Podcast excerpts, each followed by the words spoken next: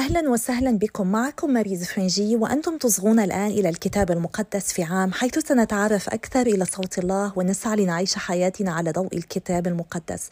إنني أستمر في القراءة وأنا أستعمل نفس خريطة القراءة التي استعملها فاضل مايك شميت في البودكاست المشهور The Bible in a Year وأنا أستعمل الترجمة اليسوعية الكاثوليكية. ويمكنكم الحصول على معلومات أكثر في تفقد وصف الحلقة. وقد وصلنا اليوم إلى اليوم السابع والثلاثون.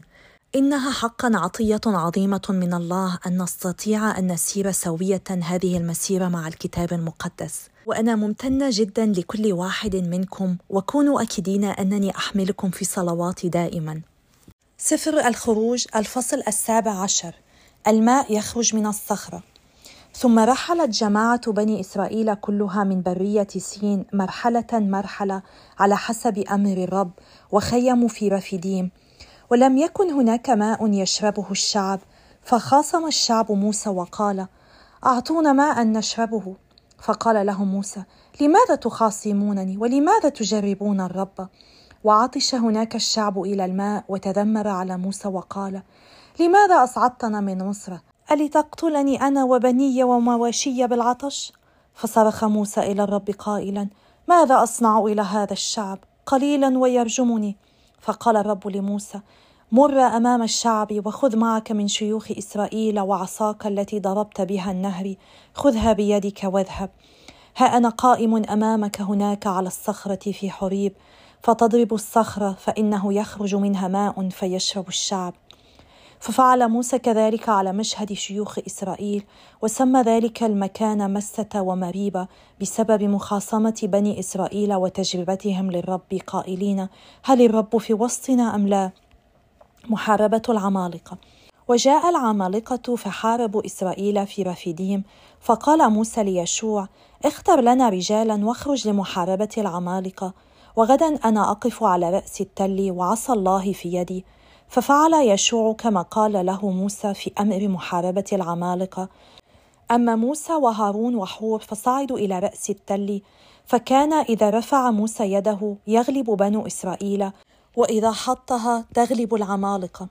ولما ثقلت يدا موسى أخذ حجرا وجعلاه تحته فجلس عليه وأسند هارون وحور يديه أحدهما من هنا والآخر من هناك. فكانت يداه ثابتتين إلى مغيب الشمس فهزم يشوع عمالق وقومه بحد السيف وقال الرب لموسى اكتب هذا ذكرا في كتاب وضع في أذني يشوع أني سأمحو ذكر عمالقه محوا من تحت السماء. وبنى موسى مذبحا وسماه الرب رايتي فقد قال إن يدا قد ارتفعت على عرش الرب فالحرب قائمة بين الرب وعمالقة من جيل إلى جيل. الفصل الثامن عشر. لقاء بين موسى ويترو. وسمع يترو كاهن مديان وحم موسى بكل ما صنع الله إلى موسى وإلى إسرائيل شعبه. كيف أن الرب أخرج إسرائيل من مصر فأخذ يترو حم موسى صفور امرأة موسى بعدما صرفها وابنيها اللذين اسم أحدهما جرشوم لأن أباه قال كنت نزيلا في أرض غريبة. واسم الآخر أليعازر لأنه قال إله أبي كان عوني وخلصني من سيف فرعون. وأتى يترو حم موسى وابناه وامرأته إلى موسى في البرية حيث كان مخيما عند جبل الله. وأبلغ موسى أنا حماك يترو قادم إليك وامرأتك وابناها معها. فخرج موسى للقاء حميه وسجد وقبله وسأل كل واحد منهما عن سلامة صاحبه ودخلا الخيمة. وقص موسى على حميه كل ما صنع الرب بفرعون والمصريين بسبب إسرائيل وكل ما ناله من المشقة في الطريق وكيف انقذهم الرب فسر يترو بكل الخير الذي صنعه الرب إلى إسرائيل عندما انقذهم من أيدي المصريين. وقال يترو تبارك الرب الذي أنقذكم من أيدي المصريين ومن يد فرعون. الآن علمت أن الرب عظيم فوق جميع الآلهة في الأمر نفسه الذي طغى به المصريون عليهم. ثم أخذ يترو حم موسى محرقة وذبائح لله وجاء هارون وجميع شيوخ إسرائيل لياكلوا مع حمي موسى أمام الله. موسى يقيم القضاة ولما كان الغد جلس موسى ليقضي للشعب فوقف الشعب قربه من الصباح وحتى المساء. فلما رأى حمو موسى كل ما يصنع للشعب قال ما هذا الذي أنت تصنعه للشعب؟ وما بالك جالسا وحدك وكل الشعب واقف أمامك من الصباح حتى المساء؟ فقال موسى لحميه إن الشعب يأتي إلي ليستشير الله فإذا كانت له قضية يأتيني فأقضي بين الرجل وصاحبه وأعرفهم فرائض الله وشرائعه. فقال لموسى حموه ليس ما تصنعه بحسن فإنك ولا شك تنهك نفسك كثيرا أنت وهذا الشعب الذي معك أيضا لأن هذا الأمر فوق طاقتك ولا تستطيع أن تتولاه وحدك. والآن اسمع مني ما أنصحك به فيكون الله معك. كن أنت للشعب أمام الله وترفع أنت القضايا إليه وتنبههم إلى الفرائض والشرائع وتعرفهم الطريق الذي يسلكونه والعمل الذي يعملونه. وأنت فاختر من كل الشعب أناسا مهرة أتقياء لله أهلا للثقة يكرهون الكسب وتقيمهم عليهم رؤساء ألف ومائة وخمسين وعشرة فيقضون للشعب في كل وقت ويرفعون إليك كل قضية هامة وكل قضية صغيرة هم يقضون فيها. وخفف عن نفسك وهم يحملون معك. فإن أنت فعلت هكذا وأمرك الله بأمر أمكنك الثبات وهذا الشعب كله ينصرف إلى مقامه بسلام. فسمع موسى لقول حميه وفعل كل ما قال له. فاختار موسى أناسا مهرة من كل إسرائيل فأقامهم رؤساء على الشعب رؤساء ألف ومائة وخمسين وعشرة فكانوا يقضون للشعب في كل وقت وكل قضية عويصة يرفعونها إلى موسى. وكل قضية صغيرة يقضونهم فيها. ثم صرف موسى حماه فذهب إلى أرضه. سفر الأحبار الفصل الثاني عشر. طهر المرأة النفساء وخاطب الرب موسى قائلا كلم بني إسرائيل وقل لهم أية امرأة حبلت فولدت ذكرا تكون نجسة سبعة أيام كأيام طمثها تكون أيام نجاستها. وفي اليوم الثامن تختن قلفة المولود وثلاثة وثلاثين يوما تظل في تطهير دمها. لا تمس شيئا من الأقداس ولا تدخل المقدس حتى تتم أيام طهرها. فإن ولدت أنثى تكون نجسة أسبوعين كما في طمثها وستة وستين يوما تظل في تطهير دمها. وعند اكتمال أيام طهرها لذكر كان أو لأنثى تأتي بحمل حولي محرقة وبفرخ حمام أو بيمامة ذبيحة خطيئة إلى باب خيمة الموعد إلى الكاهن. فيقربهما أمام الرب ويكفر عن المرأة فتطهر من سيلان دمها. هذه شريعة الوالدة ذكرا وأنثى فإن لم يكن في يدها ثمن حمل فلتأخذ زوجي يمام أو فرخي حمام. أحدهما محرقة والآخر ذبيحة خطيئة. فيكفر عنها الكاهن فتطهر. المزمور السابع والثلاثون. مزمور لأساف. أجل ما أطيب الله لإسرائيل لذوي القلوب الطاهرة. أما أنا فقد أوشكت أن تعثر قدماي وكادت أن تزل خطايا. لأني غرت من السفهاء حين رأيت رخاء الأشرار فإنهم لا أوجاع لهم حتى الموت وأبدانهم سمينة ليسوا في عناء كالناس ولا يصابون مع البشر. فالكبرياء لذلك تطوقوا وثوب العنف اكتسوا فأثامهم من الشحم خارجة وقلوبهم بالمكر طافحة. بالشر يتكلمون ساخرين وبالظلم يتحدثون متشامخين يجعلون في السماء أفواههم وتسعى في الأرض ألسنتهم. لذلك يتحول الشعب إليهم ويجرعون مياها طافحة ويقولون كيف يكون الله عالما؟ وهل من علم عند العلي؟ ها هم الأشرار دائما آمنون واموالا يزدادون. باطلا إذا نقيت قلبي وغسلت بالطهارة كفي وحين ضربت النهار كله وأدبت في كل صباح. لو قلت مثل هذا الحديث لغدرت بجيل أبنائك. ولقد فكرت لادرك ذلك لكنه عسر في عيني إلى أن دخلت أقداس الله وتأملت في آخرتهم. أجل في المزالق جعلتهم وفي المهالك أوقعتهم. كيف صاروا في لحظة إلى الدمار؟ انقرضوا ومن الأهوال بادوا. كحلم عند اليقظة يا سيدي تحتقر خيالهم عند استيقاظك. لقد قسى قلبي ووخزت كليتاي وأنا غبي ولا علم لي وقد صرت عندك كالبهيمة وأنا معك في كل حين وأنت أخذت بيدي اليمنى بمشورتك تهديني ووراء المجد تأخذني. من لي في السماء ومعك على الأرض لا أهوى شيئا.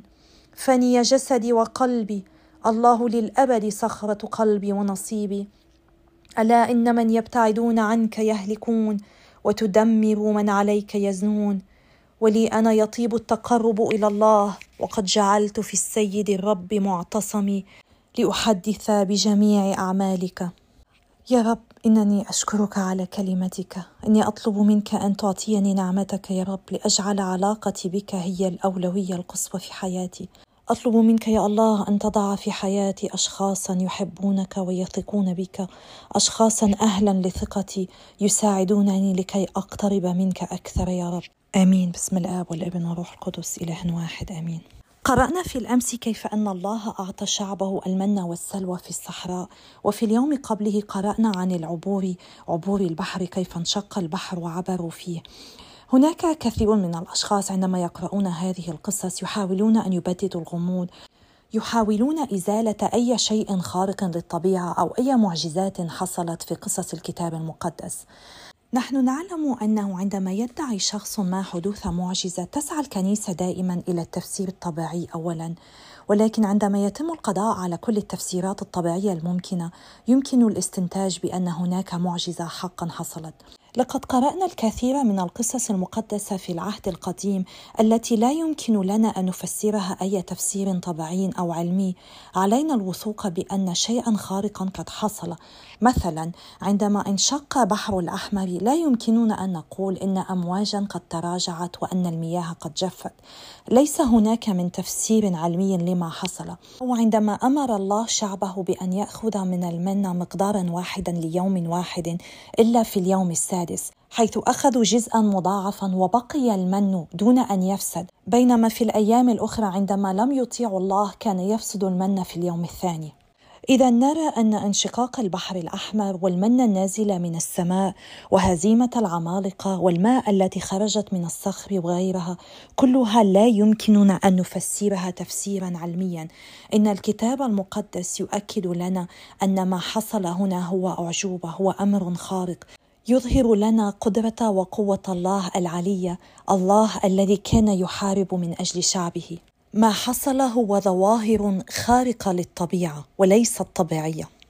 قرأنا اليوم أيضا أن الشعب قد خاصم موسى وتذمروا وكانوا مستعدون أن يرجموه عندما عطشوا وأن عماليق عاتوا وحاربوا إسرائيل. جواب موسى لهذه المنخفضات الروحية الشديدة إذا أردنا أن نسميها يعلمنا كيف أن نلتجئ إلى الله ونصرخ إليه بدل أن نيأس ونستسلم لهذه الصعوبات التي نواجهها ونتذمر لأن بعض المشاكل لا يمكن حلها إلا بالصلاة ويجب علينا أن نبذل جهدا صادقا في الصلاة عندما نشعر ببادرة التذمر لأن التذمر يزيد من إحساسنا بالضيق. ولقد رأينا هنا أن موسى تشفع أيضا للشعب وليشوع الذي تعرفنا عليه اليوم للمرة الأولى وسيصبح فيما بعد قائدا عظيما يدخل شعب الله إلى أرض الميعاد. وكلما كان موسى رافعا يديه كان يغلب بني إسرائيل. ولاحظنا أنه عندما تعب ساعده الجميع برفع يديه. هذه الفقرة تذكرنا بقوة وضرورة الصلاة الشفاعية وبأهمية الدعم والمساندة الحبية والتشجيع الذي يمكن أن نقدمه بعضنا لبعض عندما نكون متعبين.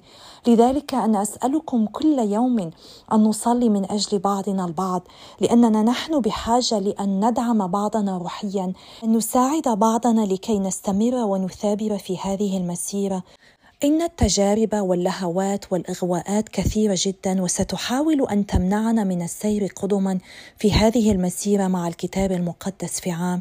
لذلك أنا أصلي من أجلكم جميعا وأطلب منكم أن تصلوا من أجلي ومن أجل كل هذه الجماعة التي تصغي حتى نقدر أن نثابر ونستمر في هذه المسيرة ونكتشف سر الخلاص أكثر وأين نحن منه. تشفعنا من أجل بعضنا البعض كما فعل موسى. يذكرنا أيضا بأهمية أن نحيط أنفسنا بأشخاص يساعدون لنمشي على درب القداسة. لقد سمعنا اليوم أيضا عن يثرون كاهن مديان حمو موسى كيف جاء وقدم له نصيحة عظيمة أشار إليه بأنه إذا لم يفوض آخرين سيتعب جدا لأن الأمر فوق طاقته ولا يمكنه أن يتولاه وحده. بما أن موسى كان حكيما ومتواضعا أصغى لحميه غالبا ما نحاول أن نفعل كل شيء بنفسنا لأننا نتكل على ذاتنا والحضارة التي نحن نعيش بها تدعونا لفعل ذلك. ولكن هذا ليس حسنا. هذا نموذج سيء للقيادة ويقود للإرهاق. كما يؤدي أيضا إلى قلة الانتفاع من مواهب الأشخاص الآخرين ووقتهم وقدراتهم وفي الغالب هذا سيجعلهم يحبطون. ولكن تفويض أي كان لن يحل المشكلة لأنه نحن بحاجة إلى الأشخاص الصحيحين إلى القادة الذين يقدرون أن يتحملوا هذه المسؤولية. فحين تفوض اشخاصا خطأ هذا لن يحل أي شيء من الموضوع. أما إذا حصلت على الأشخاص القفيلين بعمل هذا الأمر يمكنك أن تثق بهم وتمنحهم السلطة. وقد اتبع موسى هنا نصيحة يثرون واستخدم ثلاثة معايير في اختيار وتعيين القادة. اختار رجالا مقتدرين. نحن بحاجة إلى أشخاص ذوي قدرات لكي يكون لدينا الثقه بهم فيما نفوضهم. واختار أيضا اشخاصا بناء على مقامهم الروحي اشخاصا يخافون الله. واختار أيضا اشخاصا أمناء. يبغضون الرشوة. من المهم جدا أن يكونوا محل ثقة عندهم ولاء يمكن الاعتماد عليهم وهم حكماء. وقد أعطى موسى تشكيلة من المسؤوليات لهؤلاء القادة بناء على قدراتهم. وهذا يذكرنا بأن الله يعطينا دائما مسؤوليات بحسب قدراتنا والمواهب التي أعطانا إياها. لأن موسى أصغى إلى نصيحة حميه خفف هذا التفويض من الضغط عليه. وجعل حياة الناس أفضل. يجب أن نتعلم من يثرون أن نفرح بنجاحات الآخرين وأن نقدم النصائح لهم عندما هناك حاجة لها وأن نصغي إلى نصائح الآخرين بقلب منفتح وبتواضع. ونحن نستمر في قراءتنا من سفر الأحبار قد نتساءل ما الهدف من وراء كل هذه القواعد ولماذا هي موجودة في الكتاب المقدس؟ من المهم جدا أن نتذكر دائما أننا نفهم العهد القديم في ضوء العهد الجديد وخاصة من خلال عدسات الرب يسوع. إن الله لديه خطة على المدى الطويل وقد كان يعد العالم كله لمجيء المسيح ولخلاصه.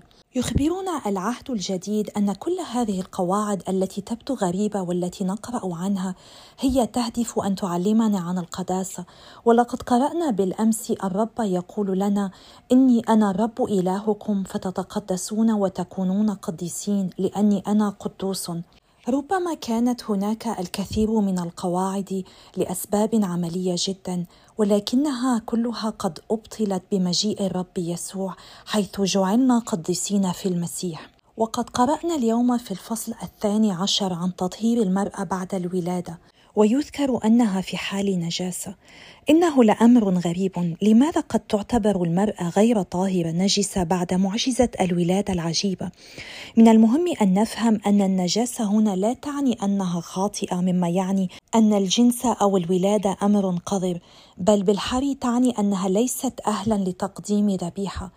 إن التطهر بعد الولادة لم يكن بخصوص نجاسة أخلاقية بل نجاسة طقسية وليس من أي ذنب مرتبط بالعلاقة الزوجية أو بالولادة.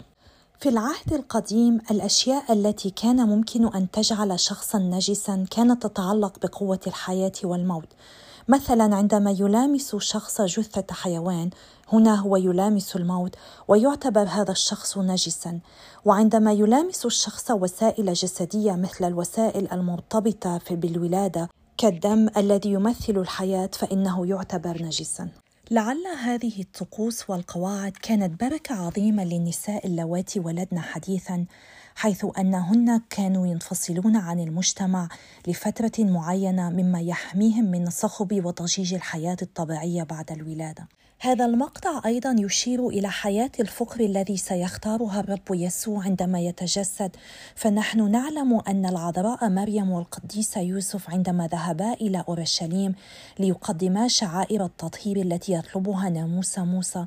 قدما يمامتين أو فرخي حمام دليلا على فقرهما.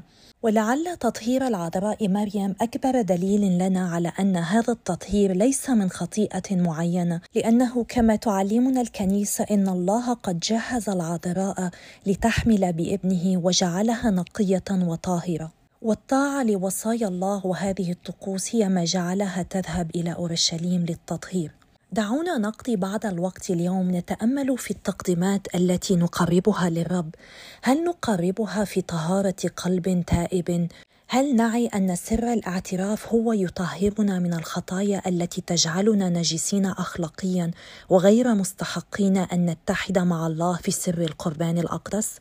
إني أطلب من الجميع أن نصلي من أجل بعضنا البعض خاصة الأشخاص الذين يرفضون أن يعترفوا بخطاياهم، يرفضون سر الاعتراف، يفضلون أن يعيشوا في حياة منعزلة بعيدين عن الرب ونعمته. إن الله قال لنا كونوا طاهرين أنا الرب إلهكم فكرسوا أنفسكم وتقدسوا لأني أنا قدوس هذه القداسة لا يمكننا الحصول عليها بدون نعم الأسرار المقدسة. فلنصلي من أجل بعضنا البعض أكثر لكي ننمو في هذه القداسة. وإلى اللقاء غدا يوم آخر إن شاء الله.